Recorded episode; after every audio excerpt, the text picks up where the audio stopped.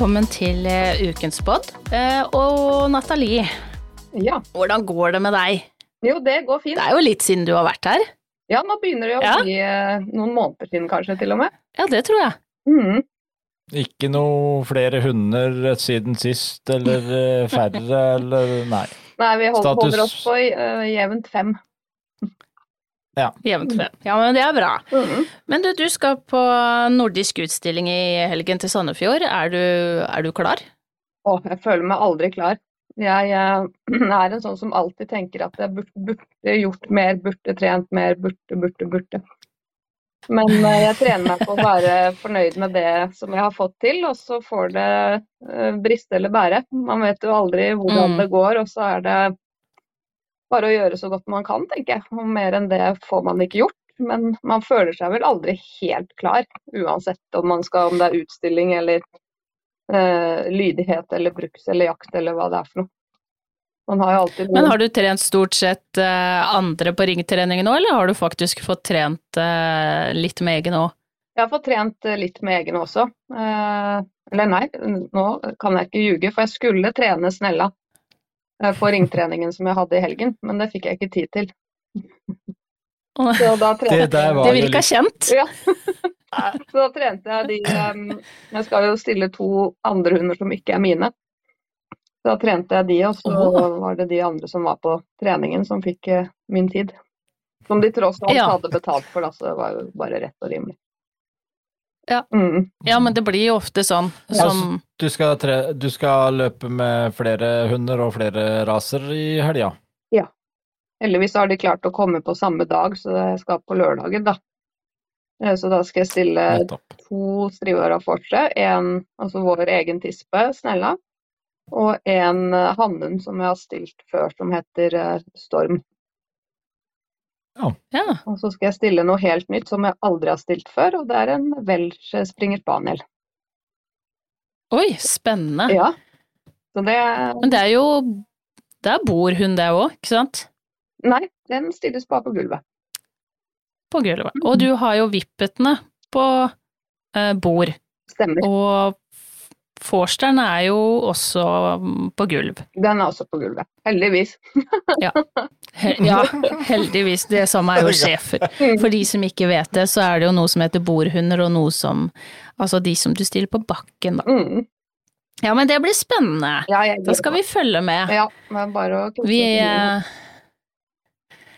vi krysser alt vi har, vi, og det, vi har jo noen deltakere herfra òg som faktisk skal stille, og som, som egentlig står for championatet, så vi er jo kjempespente Ja, på, spennende. på hvordan de går med to. Ja. Mm. Så vi skal sitte hjemme eh, sammen Det- med tispene våre og ø, ruge på valper. Mm. Det blir gøy. Det, det skal jo bli litt Det er litt deilig å av og til også bare tenke at hm, nå skal det utstilling, ja. Stå opp litt eh, tidlig kanskje, og så bare fyre opp og sjekke resultatlista, og bare ligge der og Nei, nei. bomse litt og Nei. Ja. Eh, Jeg står ikke opp. Hvis det er veldig tidlig, så ligger jeg fortsatt under dyna, så ligger jeg på mobilen og scroller Ja. og ser på resultater. og så tenker jeg stakkars, de måtte tidlig opp, gitt. Er. Men hvis dere har veldig drektige tisper, så må jo de opp og tisse òg ganske tidlig. Ja, det er sant. Ja. Jo da, det, Men, eh, vi, vi, får, eh, vi får merke jo det at det blir eh, litt mer aktivitet ut og inn og ut og inn, for det Trangere og trangere plass. Ja, Ja. det heldigvis så skal vi sitte og se på heving. Går, går det som det skal? Ja. Ja. Men du, vi har, vi har fått inn noen spørsmål som jeg tenker at vi kan uh, svare på. Ja. Skal vi fyre løs? Vi kan starte med litt der, og siden da jeg er alene som hanne i denne tispeflokken her, så kan jeg stille spørsmål, og så kan dere svare. Er ikke det en god, grei deal? God arbeidsfordeling, sånn pleier det å være. Det liker vi. Ja. Eh, vi kan jo bare ta noe som har kommet inn her litt på Messenger og sånt nå. Eh, Linn som spør eh, Hun som er usikker i møte med fremmede mennesker, hvordan trene best mulig uh, for å ikke presse hund og ikke uh, gjøre det verre? Uh, altså, da tenker hun vel egentlig det at Altså, hva, hun er jo usikker i møte med fremmede mennesker. Mm. Og det er klart at skal man mengdetrene, skal man presse på, eller hva skal man gjøre? Det er vel det hun tenker litt. Rann. Ja. Nei, jeg tenker at man skal aldri presse på når det kommer til uh, hunder som kanskje har en liten sosial brist, da. Som veldig mange Mm. hunder egentlig har, og så utarter det seg i forskjellige retninger. Man tenker jo at disse hundene skal være så himla sosiale, de skal bare elske alle, da. De gjør jo ikke det. Eh, så, så sånn er nå det. Men jeg tenker det kommer litt an på i hvilken situasjon hun egentlig tenker. Om det er liksom besøk hjemme, eller om det er eh, forbipassering eh, av folk. Men eh, vi kan jo ta et Mm. kort eksempel om begge deler. Også, vi har jo veldig regime på det at når det kommer folk på besøk hos oss, så er det ikke hundene som løper til døra og er helt crazy. Eh, De ligger på plassene Mm. sine. Det kan hende at det Mm. kommer en vippet taslende, men de bryr seg liksom ikke så mye, så det er ikke så plagsomt. Og så går de bare og legger seg på sofaen igjen. Mens hadde schæferen f.eks. hatt lov til å ha fri flyt og vokte på døra, uavhengig om han hadde vært sosial eller ikke sosial, eh, så hadde det jo blitt et spetakkel, og han hadde jo kommet i en konflikt eh, hvis han hadde hatt en Mm. liten sosial brist. fordi at da blir det vanskelig. Hva skal jeg gjøre? Skal jeg hilse? Skal jeg ikke hilse? Skal jeg bjeffe? Skal jeg hoppe? Hva? Det er vanskelig for hunder å ta gode valg i de situasjonene, og da tenker jeg at da må vi bare velge for dem.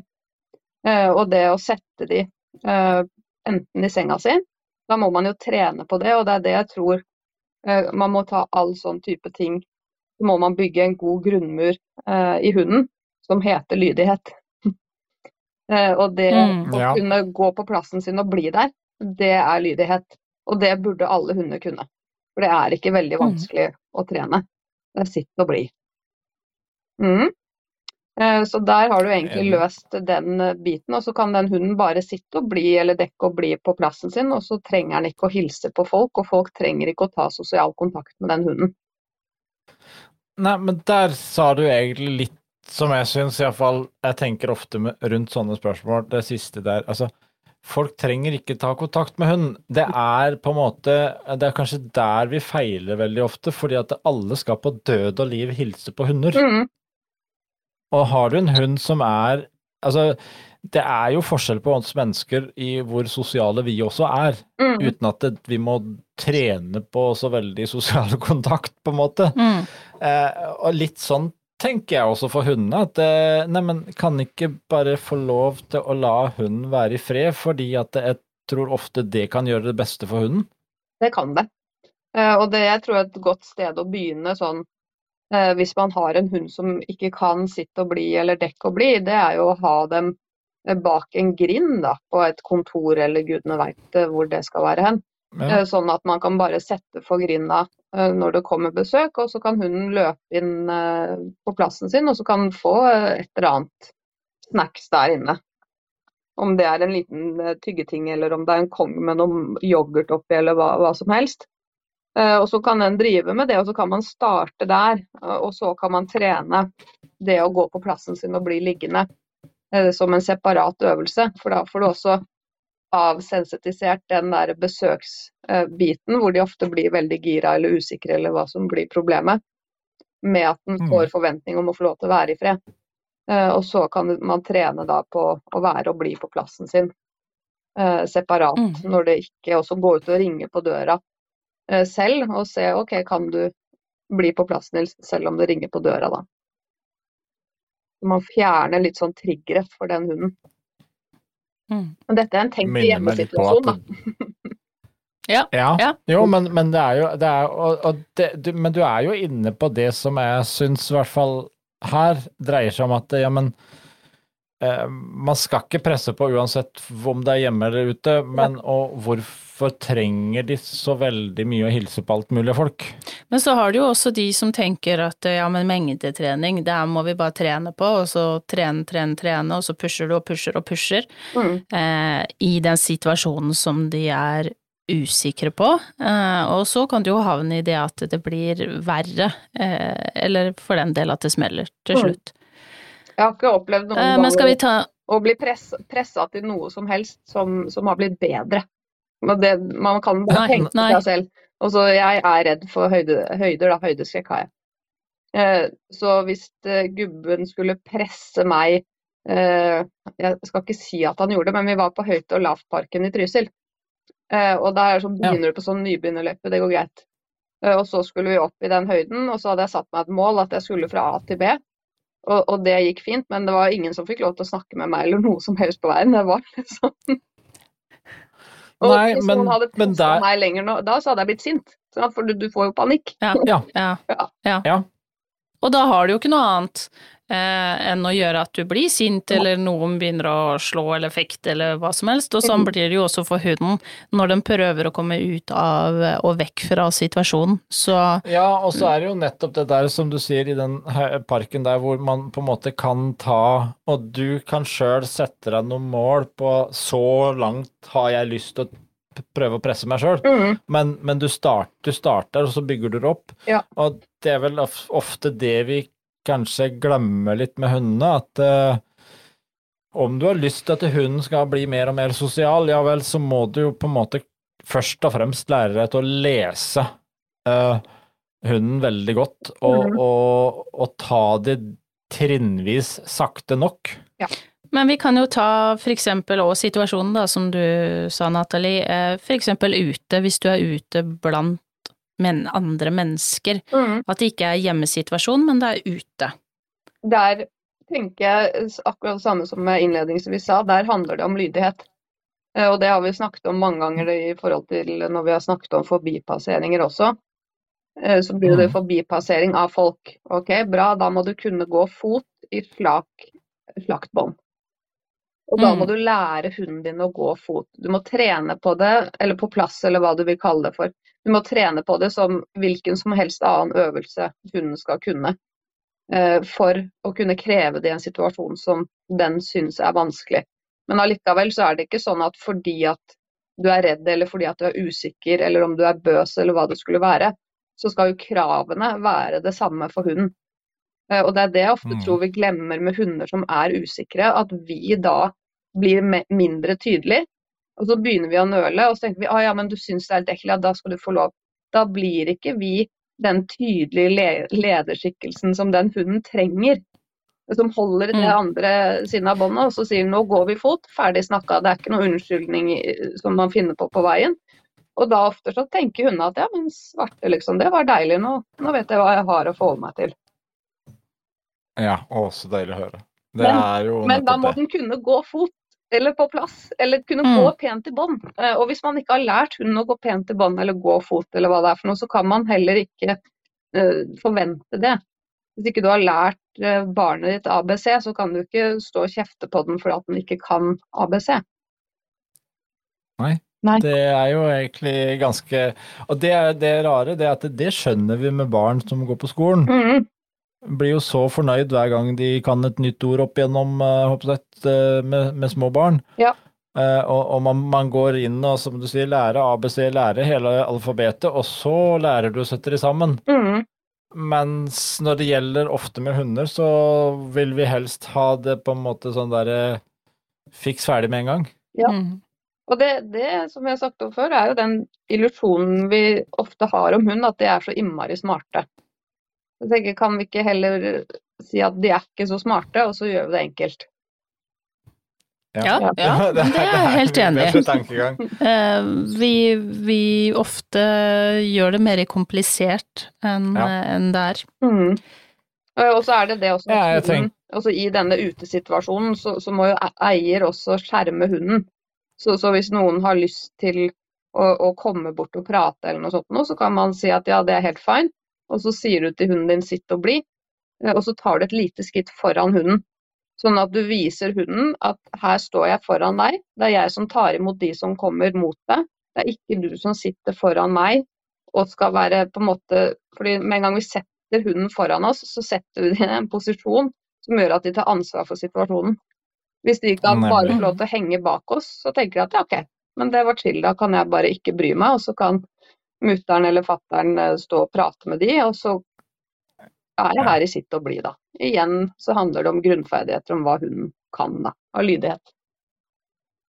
Det syns jeg var veldig Ja, det- sånn godt forklart, litt billedlig òg, Ja. for eh, For det Sånn at det er handler jo litt om også det der som Altså, eh, hunden kan kroppsspråk. Mhm. Så vi må, det at du stiller deg foran eller du stiller deg bak, det har veldig, veldig store forskjeller og bety betydning. Mm. I hvert fall på de som Eh, syns det er litt ubehagelig, da. Mm. Mm. Eller for eksempel hvis man har en schæferhund som tenker at å, shit, nå Dette blir kult, jeg vil være først, jeg vil være foran, og jeg vil helst passe på mutter'n. Ja. Nå, nå så jeg for meg Zlatan. Ikke det at jeg har sett Zlatan gjøre det, altså, men eh, jeg så for meg en sånn derre happy schæfer som bare yes! Yes! Jeg har kontroll. Ja, har kontroll. Mm. Jo, men det er jo det der, de, de er så forskjellige, men jeg syns egentlig Jeg håper jo at eh, Linn her også fikk litt sånn Litt tips i, i de ulike situasjonene. Jeg syns det ble veldig mange bra i situasjoner her. Mm. Ja, ofte så, så Um. brister det, og det gjør det for meg òg, i på en måte den grunnmuren som jeg, jeg tenker at de skal ha, da. Hvis de kan sitte og bli godt nok, og de kan gå fot godt nok, eller bra nok, vi kan ikke si godt nok, men om de kan det, så, så, så er det jo ikke noe problem. Nei, jeg, jeg tenkte bare litt når du, når du snakka om det her eh, hjemme og være på sin plass. sånn, vi, vi må huske på å trene vår flokk litt ekstra nå hvis det bare er et par uker til at eh, Nathalie kommer. på besøk. At altså, de der som eh, ikke skal storme fram til døra og sånt når hun kommer. eh, Som det står så fint i rasestandarden at det kan være Reservert. reservert Ja. overfor fremmede. Det har ikke helt vår skjønt ennå. Det kan vel være et varsel om at neste ukes pod utgår fordi at vi er opptatt av å trene hunder til Natalie Nathalie kommer på besøk. Åh, Da blir det en pod med hvor uoppdragende. Det er som vi har sagt om så mange ganger før, det er stor forskjell på hund og individ. Og så må man bare se den hunden og det individet man har, og så må man lage regler som passer for den, så den blir en trygg og harmonisk hund. Og det er jo forskjell Ja. med, som jeg sier, med, med vippeten eller en bassenni når den kommer trippende bortover og hopper deg på kneet. Det er kanskje litt koselig til og med. Det er ikke så koselig å få en schæfer med bart midt i planeten som hopper deg ned, uansett om den er glad eller, eller om den er usikker eller hva den er for noe. Det, det er ikke noe ålreit. Nei, men det er klart, det der har du også litt det der med å på en måte se, se hva man har Mm. foran seg, og individet, Mm. og størrelse og form og farge opp dette, hele pakka. Så Ja. ja, nei, men det Men så har du litt med, bare for å si det òg, eh, som vi snakka om, Nathalie, i forhold til Nå står det jo ikke her eh, hvilken alder det er heller på hunden. Nei. Eh, for som du nevnte òg, det har jo litt med er den ung? Eh, Er det en eh, godt voksen hund? Er det en gammel hund? Altså, mm. eh, det er jo litt forskjell det òg, Det er i forhold til alder og hvor de er. Helt klart. Mm. Men samtidig, så, som jeg sier, med mindre det er liksom en bitte liten valp, så prøver man jo liksom å, å jobbe litt med at den skal synes det er hyggelig å ta sosial kontakt med folk. Men eh, når de er, Mm. er mer enn fem-seks måneder, så slutter man jo med det. Eh, Og da er det der den lydigheten kommer på plass. Eh, Og det er der jeg mener folk er Mm. altfor utydelig med hundene sine. Og når man er utydelig med en hund, så blir den usikker. Eh, Så hvis man er Mm. tydelig med det, og de trenger ofte ting i liksom capslock, ikke, Ja. ikke løkkeskrift, liksom. Mm. Nei. Det Skal vi ta neste spørsmål? Ja, jeg syns vi gjør det. Um, skal vi se, Randi skriver uh, Skal ha mitt første kull. Det er tispe på tre år, og hun er Ja, hun er bare to uker på vei. Eh, men lurer på hvor lenge, hvordan og hvor lenge jeg kan trene med og gi hun best mulig mosjon. Hvor tett opp til fødsel? Hvor, Eh, hvor tett opp til fødsel med trening? Ja, med Ja. trening og mosjon. Jeg Ja. tenker at eh, hvis du er to uker på vei, skal i hvert fall ikke slutte nå, vel? Nei. Nei. Definitivt ikke. Eh, Vi kan vel være enige om, om det, Nathalie, at det er jo Det er jo ikke feil å holde en tispe som, som er drektig i god mosjon, vil jeg si. Nei, det Jeg tror det er helt avgjørende Eh. for hvordan den fødselen blir. Eh, At Ja. tispa er godt eh, muskelsatt og er i god kondisjon og har fått eh, riktig ernæring. Da. Og riktig, da er ikke det ensbetydende med masse, med mye på. Nei. Nei. Nei, for jeg tenker at Eh, det er jo um, å være stor og tung opp mot fødsel Og da tenker jeg ikke på, fordi at du er stor på grunn av masse valper, Mhm. men fordi at du har på en måte nesten drikker H-melk. Uh, da tenker jeg at uh, det er ikke helt greit. Uh, Nei, altså det er klart at du har jo, hvis du skal tenke her nå Se, se litt sånn, nå har vi sjøl tispen som nå er sånn Ja, nærmer halvveis. seg Fire uker, mm. altså sånn cirka. Uh, og det er klart, det har jo, det har jo enda ikke vært noe stor forandring verken i eh, aktivitet eller mat. Mm. nei. Eh, fordi at du, du gjør ikke noen endringer de fire første ukene, stort sett. Nei, Eh, du passer litt grann mer på. Du trenger jo nødvendigvis ikke hoppe på de høyeste tinga. Nei, men det er jo, det er jo som jeg tenker at um, noen tisper er jo gode på å si fra sjøl hva de uh, klarer eller ikke. Jeg Jeg ser for min del i forhold til Soline, som nå er halvveis. Uh, hun er ganske klar på, eh, når vi er på tur, at nei, nå tenker jeg at vi skal snu. Nå har jeg lyst til hjem, Jeg Nå har jeg fått nok. Ja, så da snur vi, da. Og da blir hun veldig bestemt. Ja. Og så er det jo ikke snakk om at man trenger å liksom gå så himmelens fort eller, eller løpe med denne tispa, men, men god, sunn eh, mosjon, tenker jeg. Ja. Eh, kan hende Nathalie har litt mer å Men du å har jo Ja, for du har jo litt tre andre typer raser, og egentlig vært litt borti litt av hvert da, Mhm. der òg. Nei, jeg tenker Det eneste som jeg hadde begrensa, er jo disse forterne våre, for de er så glad i å springe. Eh, Så jeg tror ikke de tenker at nei, nå i dag tror jeg ikke jeg orker. Så de må nok begrenses i springinga si, men de skal jo få lov til å springe og være vanlige hunder. Eh, Ja. Men de får ikke lov til å liksom dra ut av gårde på jakt i liksom to timer på høyfjell. eh, I 20 minus med liksom en radius på to kilometer unna oss. Det, det, det går ikke. Men at de skal få helt vanlig mosjon, og at man kanskje da roper de inn oftere og holder de i en litt eh, tightere eh, ring rundt oss enn det vi hadde ellers gjort. Da. Det ikke er jo fornuftig med sånne Mm. som springer og springer og springer og springer. Men eh, Mm. sånn som vippetene har jo ikke gjort det, og som du sier at man ser ganske tydelig på de når de er metta på den selve lufteturen, da, hvis vi kan kalle det for det. Mm. Og så er det jo masse andre ting man kan gjøre. Og det tror jeg ikke man må glemme at det, altså, det er tungt å bære fram et kull. Du må egentlig nødvendigvis ha mer muskler enn når du ikke gjør det. Så det å trene styrketrening på kjernemuskulatur er jo kanskje vel så viktig som uh, den uh, mosjonen ute, da, hvis man kan si det sånn. Mm. Ja, der er du også litt inne på det her at uh, når vi snakker om trening og mosjon av hunder, så er det liksom bare den der lange, lange turen eller løpeturer eller altså mm.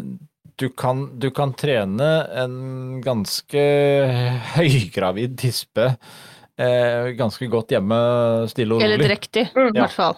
Hæ? Eh, Drektig, i hvert fall. Ja, ja, ja. Gravid eller drektig. Tjukk er de uansett. sier jeg. Gravid er gravid, så. Ja, gravid er gravid. To eller fire bein, det driter jeg i. Mage er mage. Nei, men det Nei, men du snakka litt om styrketrening, litt om, om, om rett og slett eh, rolig trening òg. Det, det er jo viktig. Og hvis man ikke er så god på det, så er det jo en Vi er inne i en fin årstid for det nå, la oss si det sånn. Eh, Og da må man nesten se litt på YouTube og finne liksom eh, veien der, da, hvor man kan sette opp litt kavalett i baner og sette opp eh, balansetrening og litt sånne type ting som jeg tenker at det er en, et godt alternativ for en drektig hund, da. mm. Eller en gravid hund. Og du kan også Eller en gravid hund, ja. Ja, ja, ja, ja, ja, ja. Og du kan jo fint, som vi har snakka om tidligere òg, kutte opp eh, brøytestikker. Eh, og legge Ja. de, st- eh, strø de utover eh, opplegg, ja. gulvet, Mm. sånn at man kan gå mellom de i et sakte tempo. Det er ganske god trening, Kjempegod trening. så Og er man så, man så bruke- heldig at man har tilgang til et hundebasseng, så hadde jeg jo kjøpt klippekort, liksom. ja. Mm. Ja. Det er jo ikke dumt. Utebasseng er litt kaldt nå, tenker jeg. Utebasseng er litt kaldt nå. Ja. Nei, men, men eh, det går altså an å trene opp Ja, ganske jeg- lenge opp mot, eh, opp mot fødsel, og så må man jo se an hvordan eh, tispa er, Det er jo igjen her mange faktorer inn i bildet som man må se an med i forhold til hundens totale helse og ting og tang. Men eh, hovedproblemet er vel ofte i de situasjonene her at man eh, stopper med og ikke får nok mosjon ofte. Mm. For man tar litt for mye hensyn. Ja. Som sagt, jeg tror det, det verste som kan skje, er jo at den blir tjukk og i dårlig kondisjon og dårlig muskelsatt. For da har den en eh, Ja, dårlig prognose for fødsel. Ja. Mm. det er jo akkurat det. Ja, men det tror jeg vi eh, sier oss uh, fornøyd med. Eh, da skal vi vekk fra det gravide, og så heller over på noe annet. Ehm, per Erik som lurer på hva fôrer dere hundene med? Tørrfôr eller annet som råfôr, vom osv. Så, videre. så da kan vi jo kan jeg begynne med Jeanette. Hva fôrer du med? Ja, nå i motsetning til Nathalie, da, så har jo vi bare Vi har en rase uh, å forholde oss til, og vi, eh, vi kjører tørrfôr. Men vi har også Vi bruker uh, da ofte vann, eller kraft til, Mm. uh, for å få i de litt, litt mer vann eller fukt. Um, og så får de kokte grønnsaker. Eh, Og noen ganger så får de kokt makaroni, da er de veldig i ekstase, det syns de er kjempegodt. Så de får litt variert. Ja, ja, det er faktisk det. Det hender at jeg står og så bare mauler litt. Når jeg først har kokt opp. Så, så det er litt sånn, de får litt variert. Um, nå er det jo sånn også med vår rase at vi passer lite grann på eh, for høyt proteininnhold. Eh, og dermed så bruker ikke vi så veldig mye vom. Nei. Eh, som kanskje mange andre raser gjør, da. Men, men vi, gir de, vi gir de variert. Vi er, Det- ikke så, vi er ikke så gode på å gi dem tilskudd og, og sånne ting av Men de får ting, allikevel en del variert i forbindelse med at de får en del variert Ja, i kosten. brokkoli, Ja. gulrøtter som er kokt. Eh, nå husker jeg ikke hva det der andre treet heter. Hva heter det? Det der andre busken. Blomkål? Tre- du skjønner det, Nathalie, at det her går i de der grønne trærne og så den der hvite busken.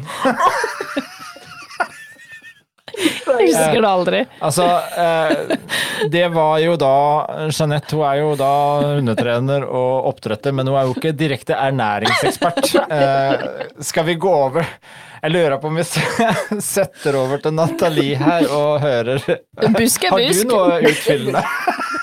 Gravid er gravid, og busk er busk. Jeg har ikke forstått det. Ja.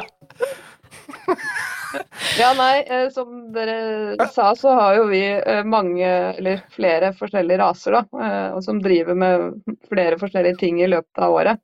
Så vi fôrer jo veldig Mm. variert, vi da.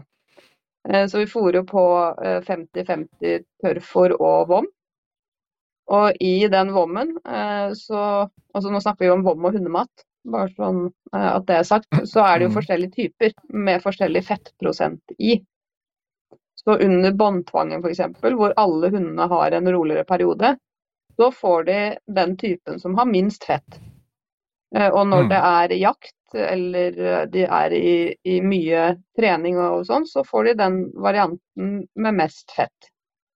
Um, Mm. Og så når det kommer til tørrfôret, så gjelder det samme der. De får høyenergi under jakta, eh, og de får vanlig vedlikeholdsfôr eh, under de vanlige Altså når det ikke er i mye aktivitet. Eh, Og så for vippetene, som er kanskje de som er altså De er jo eksplosive, men de løper jo ikke mange mil. Eh, De får lightfôr oppi sin eh, vom. Som de går alltid på den vommen med minst fett i. Hvis ikke så ser det ut som eh, som de er gravide, rett og slett. Ja.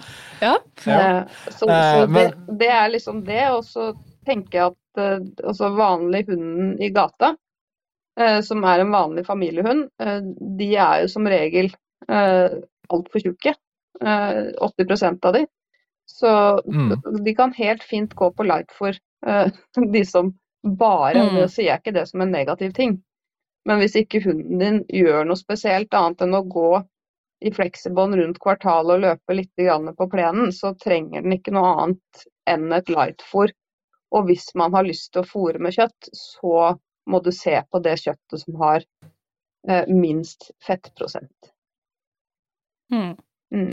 Det er er jo er det vi ofte glemmer å tenke litt i for... Så, så derfor syns jeg det er også fint når du gikk gjennom nå med de forskjellige periodene og det der, for vi glemmer litt eh, at vi kan jo fòre hundene våre litt forskjellig i forskjellige perioder. Altså, Mm. eh, vi, vi har jo referert til litt, altså, er nok, jeg er nok mer aktivt ute litt på sommer, og kanskje vi har våre perioder hvor vi er mer aktive med hunden. Nå går vi inn i en periode hvor vi også har kull. Eh, kanskje det stopper seg litt mer, og jeg er jo ikke akkurat ivrig når det snør sideveis, og den som løper fortest ute da. Men det er klart, man, man, man kan jo også justere fôret på hunden der litt i forhold til hvilket aktivitetsnivå man holder på med. Mm. Og det må man jo gjøre, Ja. tenker jeg. Altså, for hvis du For det er jo ofte problemet, du er- som du sier, at de er overvektige, og de er liksom Hvis du er veldig aktiv på uh, agility eller ringtrening og bruker mye godbiter, så, så må du som oftest gjøre også noe med både mengde og, og det du gir. Mm. Jeg ser jo samme som Nathalie sier i forhold til vippbøttene. Uh, Vi har ut av de fem tispene som vi har hjemme, eh, så er det ei som går på seniorfôr, eh, fordi at hun er en, begynner å bli en aldrende dame. Mm. Og så har vi ei som går på lightfôr, fordi at eh, hun legger veldig fort på seg. Hun er veldig kort og kvadratisk, og det skal ikke så mye til før hun blir tønne. Og dermed så måtte hun over på lightfôr for å kunne få mer metthetsfølelse og få litt mer den mengden hun skal ha. Mm. Og så er det jo da tre andre som går på vanlig. Så, Så så, man må jo tilpasse Ja, og Mm. det syns jeg egentlig var, eh, har vært et ganske godt svar på dette her, fordi det ble et ganske vidt variabelt svar. Eh, Mm. og det er jo egentlig det syns jeg er viktig å begynne å tenke på. Ikke nødvendigvis akkurat det og det, og enten så er det sånn, eller så er det sånn, men, men at man tenker litt mer i helheten. Ja, og så Mm. er det jo som du sier, man må jo tenke litt sånn fra dag til dag også, ikke nødvendigvis bare måned til måned. Men jeg har jo alltid én hviledag på hundene mine hvor de ikke gjør annet enn å gå i flekselinn og gå på do. Uh, Mm. Fast. Uh, og hvis det er en søndag og vi alle ligger på sofaen hele søndagen, så får de får jo ikke samme mengde til middag som de hadde fått hvis vi hadde vært ute og gått to mil i skogen. mm. Nei, det... er jo energi inn, energi ut. Det er jo egentlig et ganske enkelt regnestykke. Ja, og litt sånn Du spiser nok ikke heller så mye på den søndagen du ligger på sofaen, annet enn at det kanskje går litt mer i chips. Men, chips. men ikke så Du har ikke behov for den mengden med mat Nei. som når det er topptur og ja. Mm. Men f eh, veier du eh, maten til eh, dine hunder, Nathalie? Og da tenker jeg ikke sånn akkurat nødvendigvis vekta, men har du Å, noe ja. målebeger Ja, eller noe du følger? Ja, ja, ja. Ja? Ja. Eller, eller går du liksom på gefilen? Nei. For jeg ser Gefilen er alltid feil fordi at du tenker ah, det så litt lite ut, så jeg bare gir litt mer. Takk. Ja. Mm. Ja. Det, det, Da er det ikke For jeg har noen ganger tenkt nei, men nå er du litt nerdete. Så står jeg der liksom med både målebeger og passer på fòrmengden, fôrmengden, men jeg syns jo eh, for min egen del, da, eh, ja ikke min kropp altså, men hundens kropp, at eh, de fem tispene vi har, de holder faktisk ganske jevnt over den vekta de skal ha. Mm. Eh, De går ikke veldig opp og ned og opp og ned hele tida. nei, det samme er jo når jeg lager mat til den tobeinte tispa mi, så bruker jeg jo også Ja. målebeger og vekt og sånt, og har litt kontroll på dette her. Det er Ikke lov. Jeg tror jeg, Gå videre, du. Sier at det var nok for Jeg skal bare skyte inn et godt tips, og det er jo sånn Det, det er faktisk gjort fordi at de Som sagt, jeg er jo vant til å fòre Vi har jo eh, tre store hunder, og det er klart de har store skåler, det kan være plass til mye. Hvis jeg skulle fôret Mm. vippetene med den samme skålen som jeg fôrer schæferhunden med, så ser det jævla stusslig ut oppi den skålen. Ja, da ser det ut som det er fire tørrfòrkuler og én spiseskje med, med kjøtt. Så det jeg rett og slett har gjort for min egen samvittighet, det er kjøpe eh, liten skål. For da ser det ut som de har fått like mye som de andre har fått, ikke sant, i den lille skålen sin, da. Så, Ja, men vet du hva? ja. Det, det der er noe av det smarteste jeg har hørt når det gjelder egentlig det med fòring. Ja. Fordi det er jo nettopp sånn. Ja. Og der har du den der gefühlen igjen, at det, jo, eh, du kan nok lære deg til det hvis du har eksakt samme skåla Mm. til samme huden hele tida, og vet den der skal det være. Ja. Men du må jo ha starta en plass med vekt og med litt kontroll. Mm. Eh, og, og der når du da har flere hunder og litt forskjellige størrelser, så er det klart at det Kanskje litt stusslig hvis eh, Zlatan fikk eh, vippeskåla og litt sånt noe. Det hadde jo vært det. Ja. Så nei, men det, det er veldig skål eh, størrelse på hunden. Mm. Ja. Mm. Og det er jo ikke hyggelig å ha en hund som eh, ikke som er for tjukk, altså som lider av rett og slett fedme, at de er for tunge. Mm. Og så er det jo heller ikke hyggelig med en hund som til stadighet bare går og eh, tigger om mat og aldri får metthetsfølelsen. Mm. Eh, det er jo ikke et hyggelig hundeliv, Nei, men sånn det er jo litt sånn Så man oppsummert her, så er det, handler det litt om å ha litt grann, finne litt ut av både størrelse og vekt på sin egen hund, og hva på en måte det standard eh, tilsvarer hva er riktig. Eh, se på Mm. fôr og litt sånt noe, men også tenke litt på aktivitetsnivå. Hva gjør vi, hvilke perioder er vi i og sånt noe. Så- Og det syns jeg egentlig Nathalie sa ganske fint, fordi at jeg vet det er en god del hundeeiere som fôrer på høyenergifôr hele året rundt. Men hvis man hører hva Nathalie sier nå, Mm. så sier hun at hun bruker det i perioden hvor hundene hennes, altså jakthundene, er veldig aktive og de er i jaktsesong. Mm. Eh, sånn at folk også er litt eh, medviten om det, eh, i forhold til hva det type fôr er beregna til. Og, og det er jo sånn at det, det må bare understrekes, også hunder skal ikke gå på høyenergifôr hele tiden. Eh, Fordi at det er så mye Nei. fett og protein at det kan bli trøblete for, eh, for, som dere sagt, om dette med at de kan få problemer med at det blir for mye proteiner i maten. Da. Mm. Mm. Jo, men, men det er jo litt det, og det, er der jeg kanskje føler at eh, eh, markedsføringa fra fôrprodusenter er eh, lite hundevennlig Ja, for de skal jo selge, selge mest mulig, så det er klart at, og det må jeg bare si, den fòrtabellen på tørrfòrsekken, den er jo helt, helt hinsides. Ja, jeg Ja. altså, helt enig. Mine hadde trilla rundt, hadde de spist eh, alt det som eh, står på den sekken. Det er jo og Ja, men det, det er klart, de, de talla der er jo satt også ut ifra Ja, ja. Nettopp. Men vi ser det jo fra år til år når valpekjøpere kommer hjem og så sier du, du den tabellen, altså hun vil jo ikke spise opp eh, halvparten engang, og så som jeg sier, nei, men den er faktisk for høy. Mm. Eh, bruk det som vi snakka om. Men kan jeg få lov å skyte inn en litt eh, Jeg vet ikke om jeg har pappas tillatelse, men jeg gjør det allikevel. Jeg, jeg husker ikke hva det heter, men i hvert fall mamma hadde vært i dyrebutikken og kjøpt eh, en sånn type hamburger for hund, og, og posen var hvit. Jeg tror det var enten noe grønn eller brun type hamburgertegning utapå den Mm. veldig fancy til hunder som hun hadde lyst til å prøve. Eh, og den blei liggende, hun var litt sånn nja, vet ikke helt om jeg syns det var godt. Og så reiste mamma ned til eh, meg og Frank, skulle ned og se på valper. Eh, og pappa er jo ikke en uh, superengasjert og god kokk, om jeg får lov til å si det. Han er ikke så glad i å lage mat, men han, han kan lage mat da. Og så tenkte han at nei, men jeg får stikke ned i frysen og liksom bare prøve å finne meg et eller annet jeg kan spise, noe sånn enkelt da. Så han hadde vært nede i frysen, mamma hadde jo ikke sagt noen ting, og hun huska jo ikke at det lå, hva som lå nedi der. Og så ringer pappa til mamma og liksom du, um, jeg har liksom, jeg har stekt meg noe sånn hamburger nå, men, men det, det er veldig rart, for det er fullt av sånne beinrester og sånne harde ting i den burgeren, skal det være sånn? Og mamma bare ja, så mamma bare nei gud, hva, hva ja, men åssen ser den posen ut, og han forklarte og greier, og jeg sitter ved siden av og hører alt, og så går det opp for meg. Shit! Han har funnet de hundehamburgerne! og han hadde sittet og tygd og spytta ut sånne her beinerester. Mat er mat.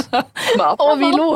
Vi syntes det var veldig morsomt. Stakkars pappa, han har sittet og liksom spytta beinerester.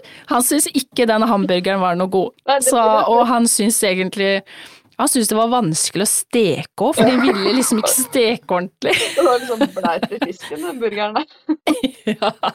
Oh. Så jeg sier bare pass på hva du har i frysen, så du ikke forveksler det. Ja, det er, Det er litt kjipt. kult. Vi bruker jo, når hundene våre eh, får eh, Hvis de har noen medisiner av noen grunn, så er tubost det er liksom en klassiker for å få i den pilla. Eh, og da må jeg Mm. passe på, fordi bonusbarnet på tolv, hun liker også tubost. Men så da må jeg skrive med spriters hund, og så legge den i døra. Så, så hun ikke Ja. går og skal ha seg en brødskive med baconost, og så tar hun den som er sleika ned, liksom. Det, fantastisk. man, man, man kommer jo ut for litt grann sånne små eh, utfordringer med litt forskjellige Ja. både to- og firebent i hus. Det er helt klart. Uff a meg. Um, men jeg tror vi sier at um, Bruk huet der, og sjekk også frysen før du skal steke deg hamburger, så er vi egentlig ganske godt i boks med fôring, tror jeg. Ja. Uh, vi skal over på um, litt mer utagering. Uh, det er Heidi Marie som skriver at hun har en hund på to og et halvt år, uh, som er litt utagerende eller for ivrig. Altså, hun mener at den ikke er sint, Mm. eh, men han hopper på folk og bjeffer mot andre folk og hunder. Eh, det er jo for så vidt riktig å si at den er utagerende, da. Ja. Eh, det trenger ikke være det, men litt med det utagerende trenger jo heller ikke være det samme som aggressiv. Det er litt sånn definisjonen her. Jeg, det er som jeg sier til folk eh, når de tar kontakt for en privattime, da, som ofte er eh, en sånn type utfordring, at det, det spiller egentlig ikke noen rolle hva det er for noe. Ikke sant? Fordi at Nei, de har fint. en atferd som ikke, ikke er OK. Eh, Og der er vi litt tilbake til det som er spørsmål én, ikke sant. Med den som, Mm. eh, og her handler det også om grunnmuren som du har bygget opp i lydighetstreninga di med å gå pent i bånd uh, i slak line. Jeg har til dags dato aldri sett en hund som har utagert i slak line. Fordi at den utageringa, det- den skjer kun når det båndet blir stramt. Mm. Ja. Det er Men, men det, det er jo litt morsomt det du sier der, for jeg har bare lyst til å ta den, for du snakker om dette er noe av det samme som i det første spørsmålet. Mm. Der var det snakk om og, Men dette er eh, Og dette er litt viktig å få fram, syns jeg. For dette er noe som veldig mange ser som to helt forskjellige problemer. Mm. Det med en hund som er usikker i møte med fremmede, og her har vi en som er utagerende. Mm. Eh, det er jo egentlig same shit, to sider av samme sak. Det er helt det samme. Og det syns jeg er litt fint å få fram, for det, altså, eh, det er jo å begynne å se på en grunn til hvorfor gjør Altså, hvorfor bjeffe, hvorfor hoppe på, hvorfor, hvorfor reagerer hunden som man gjør? Ja, og det, det er litt som jeg sier Mm. til folk, at vær mindre opptatt av hvorfor den gjør det, og være mer opptatt av hva du kan lære den til å gjøre istedenfor. Fordi Fordi at eh, vi kan tippe og tro og tenke og analysere oss herfra til månen, men vi, kommer, vi får jo ikke noe bedre hund av det. Det eneste du får en bedre hund av, det er å trene den, og du må lære den denne grunnmuren eh, som jeg pratet om, som vil være, som vil være forskjellig fra eh, hjem til hjem, eller hva slags hundehold man har. Men, men jeg Mm. tenker at basically så må alle hunder, liksom, uansett hva den skal være for noe, kunne gå pent i bånd. Den må kunne sitte og bli. Og innkalling, det er tre ting som den må lære i løpet av livet sitt, og det er ikke så vanskelig å få til. Men øh, nå skal jeg ikke liksom si at folk, øh, folk Folk er litt dårlige til å trene, Uh, må bare si det som det er. De har for Mm. liten, lite tid til å trene hunden sin, og så er de mest opptatt av å fly rundt og slippe hunden sin løs med andre, eller sosialisere den, eller det som vi har snakket om i andre podcaster. Og det er ikke det hunden trenger. Hunden trenger å gå på barneskolen, og den trenger å gå på ungdomsskolen, og den trenger å gå på videregående, og den trenger å ta eksamen. Og da må du trene. Og du må trene, og du må trene, og du må trene. Det der, det der blei fryktelig mye kjedelig. Ja, Fordi at eh, når jeg kjøper en hund, så har jeg jo helst lyst til at jeg slenger dem rett på videregående og rett til eksamen. ja. Det er ikke Det er jo det vi fungerer, egentlig- altså. Mm. Mm. Nei, eh, men og derfor, ja. Og så eh, tror jeg det er, det er eh, litt lett å glemme at man må terpe og fortsette å trene på det, for har en lykkes eh, to-tre ganger på de tingene, så tenker vi gjerne at eh, ja, men nå kan den det. Eh, Mhm. Nå er det ikke nødvendig å trene noe mer, og så kutter vi der. Eh, og så glemmer man å vedlikeholde og fortsette den treninga. Mm. Og så glemmer Så det man ofte, og som du sier, og liksom det også å belønne dem, ikke sant. For ofte så er man på kurs, og så Mm. har man lomma full av godbiter, og man er flink til å trene og sånn, og så slutter kurset kanskje, og så faller man litt tilbake at å nei, jeg glemte å ta med godbiter på tura, eller sånn. sånn. Eh, og det er jo Altså, hunder er jo egoister. Det, det er sjelden Zlatan tenker at eh, nå skal jeg gå pent, fordi at eh, da blir du kjempeglad. Mm. Han, han, er, han er verdens søteste sjefer, men han, er, han tenker ikke sånn. Han tenker hele tiden 'what's in it for me'?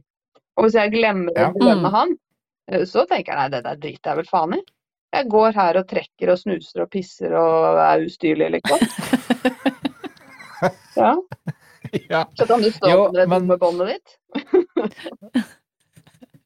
Jeg er helt, helt enig. Mm. Noen ganger så hadde det vært litt morsomt å hatt sånn liten tegneserie med hva hunder egentlig tenker om oss. Ja.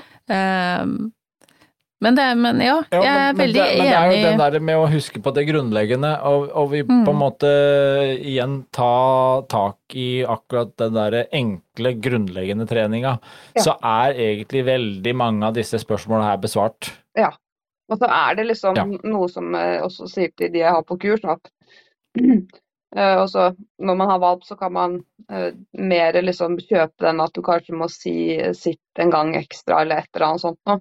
Men tenk litt også på det når man skal bygge denne grunnmuren, at om du må si gå pent, gå pent, gå pent, gå pent ti ganger og, og, og dra hunden inn igjen mot siden din og sånn, og så sier du ja, bra, kjempebra, nå har gått pent eh, to, to skritt. Altså det er ikke bra. Eh, og så får den belønning for det. Eh, Så det må Mm. jo være liksom en, en greie hvor vi tenker at hundene skal høre etter med en gang vi snakker til dem. De skal ikke høre etter etter vi har eh, sagt sitt ti ganger, og så får den samme godbiten som de gjør hvis de hører med en gang. For da Nei. trenger du jo aldri å anstrenge godt for det kommer jo bare rausende på godbiter om du liksom gjør en middels dårlig eller kjempebra jobb. Så de tenker at ja ja, Mm. Nei, men eh, hvorfor skal jeg gidde å høre etter første gang du sier til meg? For jeg kan jo bare stå her og se ut som et spørsmålstegn, og så fortsetter du å se på meg og smiler og sier sitt, sitt, sitt, sitt, sitt, og så kommer samme belønningen, og så blir du like glad. Mm. Ja, Ja, men det er jo veldig, Ja, er veldig korrekt. eh, Jo, men det er noe med å få sagt det rett ut, sånn, for det, det er klart, og det der med å Altså, hunder kan også skjønne gradering av belønning, gradering av skryten. Mm. Eh, du trenger jo ikke lage sirkus og tivoli hver gang det nesten gjør det eh, Mm. riktig. Men jeg tenker liksom to og et halvt år, og så er litt, litt utagerende eller for ivrig. Eh, ja. Skal man Eh. svare mer kon konkret, så kommer det, må vi nok ha enda mer informasjon. Fordi Mm. at det, vi ser forskjellig, og det er litt det, det, Jeg henger meg veldig på det Nathalie sa her nå, at dette er egentlig det samme svaret som det første spørsmålet. Ja. Uh, og det er egentlig det som er viktig, å være litt opptatt av å grunnmuren. For uansett hva vi gjør etterpå, så må den være på plass. mm, Uh, og sannsynligvis så har også løst halvparten av problemene bare med å få det på plass, Mm. før det egentlig har oppstått. ja, absolutt. Og, og som sier, vær litt uh, kritisk. Og jeg vet at mange ikke er så gode til å si nei til hunden sin, og det kan man godt uh, la være å gjøre hvis man ønsker å ha det sånn, men da må man jo også frata de en gode når de ikke hører etter. Eh, så, Mm. så Ja. det å liksom si sitt, og den ser på deg, og den ikke gidder å sette seg, så kan man si oi, det var dumt, du fikk ikke, den godbiten, du. Haha, den skal jeg ta. Så kan man late som man spiser den. Eh, Jeg skal Mm. love deg for at den hunden kommer til å sette seg jæskla mye raskere neste gang du sier sitt. I min verden Ja. så sier jeg jo nei, for jeg, jeg gidder ikke. eh, Og jeg har fem hunder som jeg går på tur med av gangen, så jeg kan ikke holde på sånn. Men jeg skjønner at, at noen gjør det, og, og har den form for tanke rundt hund. Men, men som sagt, da må, det jo, da må man jo i hvert fall ta vekk en gode de har, da, om, om det skal fungere. Ja. Mm. Det er jo det. Gjør det, det er Gjør det på en måte, fordi når jeg møter på annen hund eller andre mennesker eller andre biler, så tar jo vi såpass mye plass at jeg går opp i siden. Og så sier jeg sitt til alle hundene. Og hvis det er en av de som ikke har fått med seg da at jeg har sagt sitt, aha, no treat for you! da blir det ingen godbit til den hunden alle andre får. Ikke sant? Og da skal jeg love deg for at Ja. den hunden, den setter seg kjapt neste gang den får mulighet til det, for den får ikke en second chance. Den, den må høre til Nei. en gang. Mm. Så Jo, det, det, det funker jo, og det er eh, Ja, det er kanskje der vi Igjen, vi, vi blir for dullete og dillete og, og Og så er det noe med å lese alt det her andre som kommer imellom her. Hva skjer egentlig? mm, Um, for det er liksom litt, litt utagerende eller ivrig, men ikke sint. Altså, ja. Mm. Nei, men det, det Litt grunnleggende trening og litt eh, Også vil jeg ofte si at vi hundeeier også kanskje skal jobbe litt mer med grunnleggende kunnskap om hund. Ja. uh, for å kunne le lese hund bedre. Og det Mm. er jo som jeg tenker sånn, man, man har jo alle, alle sittet liksom i kø og kjent på frustrasjon. Ja, du kjenner at du liksom Shit, jeg skal rekke noe, og nå er den der jævla køen, ikke sant. Og han, å, han, får, Mm. han kjører jo ikke fort nok. Ikke sant? Så blir man litt sånn. Eh, og da er det jo en frustrasjonshandling. Og det er jo det samme som skjer med hunder som er i bånd. Så de blir så frustrert for at de har ikke lært å gå pent, og så kaster de seg ut i båndet, og så henger de fast. Samme som vi blir sittende fast bak han der som aldri kan finne gasspedalen. Og da blir man, selv om man i utgangspunktet ikke er sint i situasjonen, så blir man sint fordi at eh, man er så frustrert. Mm. Jeg kan, kan- godt innrømme at jeg kan være relativt utagerende bak et ratt, jeg òg, ja. og sånn er Det, hundene våre. det, det kan du. Mm. ja. Det, det kan du. Så det Men kan vi gi et lite tips, eh, kan du gi et lite tips da, Nathalie, på sånn som gå pent i bånd, Mhm. Ja, det kan sånn at man kan begynne den grunnmursbyggingen, eh, da. jeg er veldig, veldig Ja. glad i sånn, sånn Jeg trenger å ha et uh, veldig sånn uh, visuelt mål med treningen min.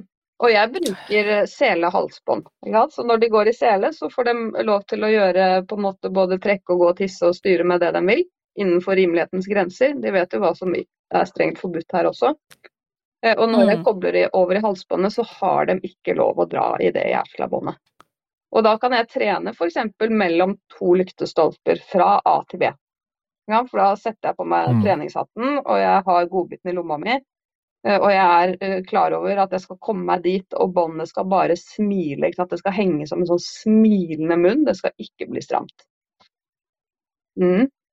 Mm. Og så er det å gjøre det og si bra, nå er vi fornøyd med den, og så kobler vi over i selen, og så går vi litt videre og slapper av, og så kan vi trene mellom to benker f.eks., hvis man går forbi det, da. For da, da blir det liksom at man får kjørt inn et par treningsøkter på alle turene, da.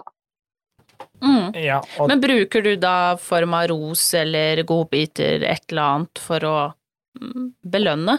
Ja, eh, det kan jeg godt eh, gjøre. Eh, kommer litt an på som sagt, hvor gammel hunden er, og om den har trent eller gjort noe, noe annet tidligere, og hvor mye iboende jaktlysten har. For jeg kan godt Mm. belønne Snella for å gå pent i bånd. Det driter hun i. For det hun vil, Ja. det er ut og springe, ikke sant. Eh, så hun Mm. spiser godbiten, men den har ingen verdi. Jeg tror bare hun, hun bare spiser den fordi at hun liksom Å, der var det en godbit, jeg bare tar den. Ikke sant? Så, så for at hun skal Ja. kunne springe, så, så må hun gå pent i bånd.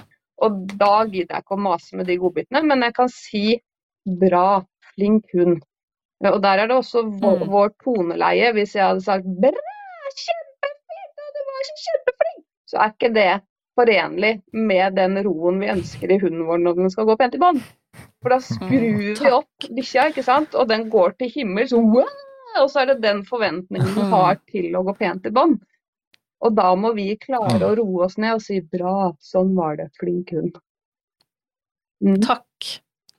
Den eh, føler jeg veldig mange ganger blir litt bortglemt, akkurat det du sier der med toneleie i forhold til eh, skal du bygge opp energien, eller skal du mm, bygge den ned? Eh, fordi at vi lærer ofte eh, når man går på nett og alt skal være positivt, det skal det jo da, det er ikke det som er poenget, men, men liksom det at man alltid går veldig høyt opp og girer, og det her er superbra, og så glemmer man at man kan si bra, Mm. det er bra. Sånn var det. Og, og så sånn får man en rolig, ja. Mm. Det, det tror jeg er en ganske god del av den vanskelige kjerna, og at man, man blir, og så blir man så gira og i ekstase og skal liksom alle skal høre at det er så positivt og bra, Mm. at man glemmer hvor man skal legge seg i, i stemmeleie òg. Jeg, jeg føler jo det at uh, her er det kommet veldig mange bra tips, og egentlig mange bra ting innafor de forskjellige spørsmålene som egentlig berører hverandre òg, så jeg syns alle som egentlig har fått inn noen spørsmål her nå, bør lytte gjennom podden en gang til, sånn totalt sett, bare for å få med seg alt, for det mm, Dette er noe vi kan ta til oss alle sammen. Mm. Og det, det er jo, Man må jo ofte gå den tunge veien da, hvor man må altså learning by burning. ikke sant? Du må jo drite deg ut et par ganger før du skjønner at å ja, det var ikke så lurt. Og det er jo altså, det, Jeg tenker det er samme om du trener sirkuskunster i lydighet eller om det er hva som helst. Men jeg har jo samme kommando som vi har snakket om på en tidligere pod, så har jeg, jeg har ikke vært så Mm. god til å skille mellom kommandoer.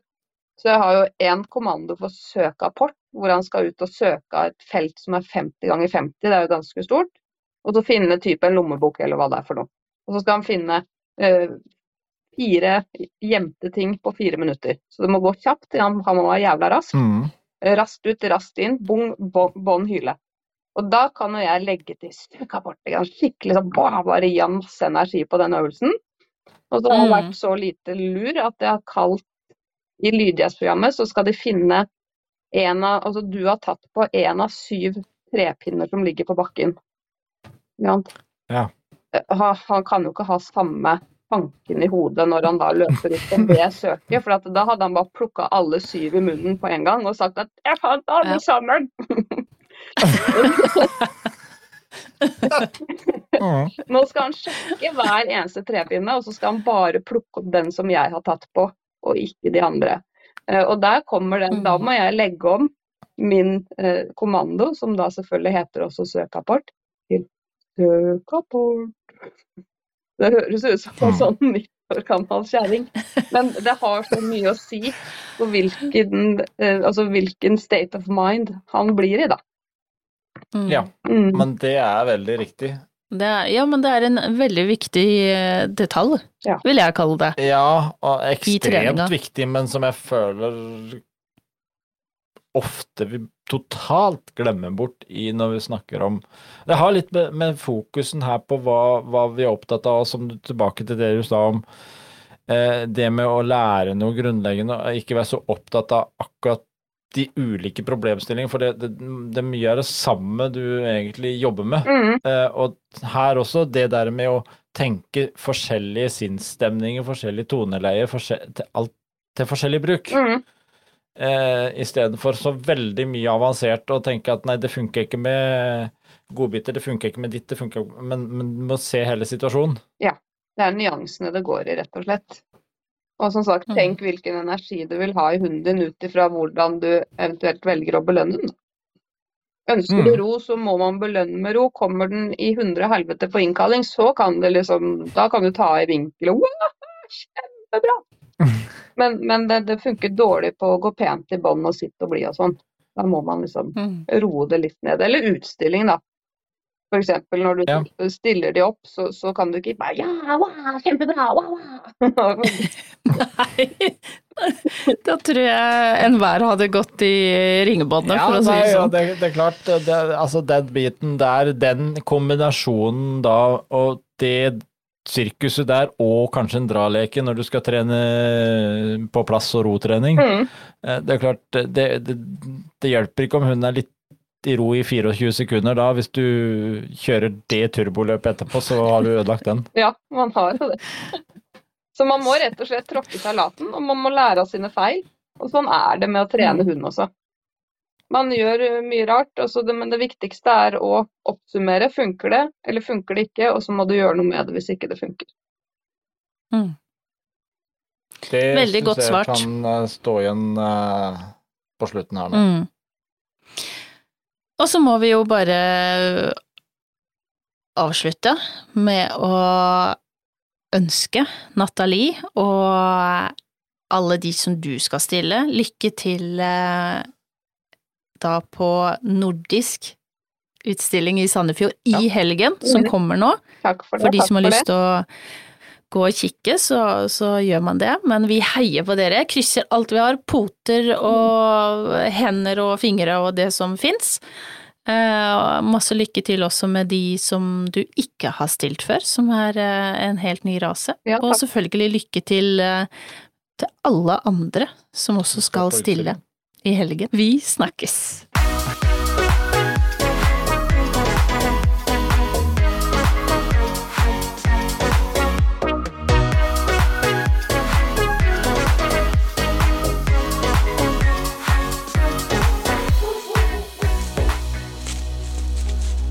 Potepodden, firebent prat laget av ckakademiet.no.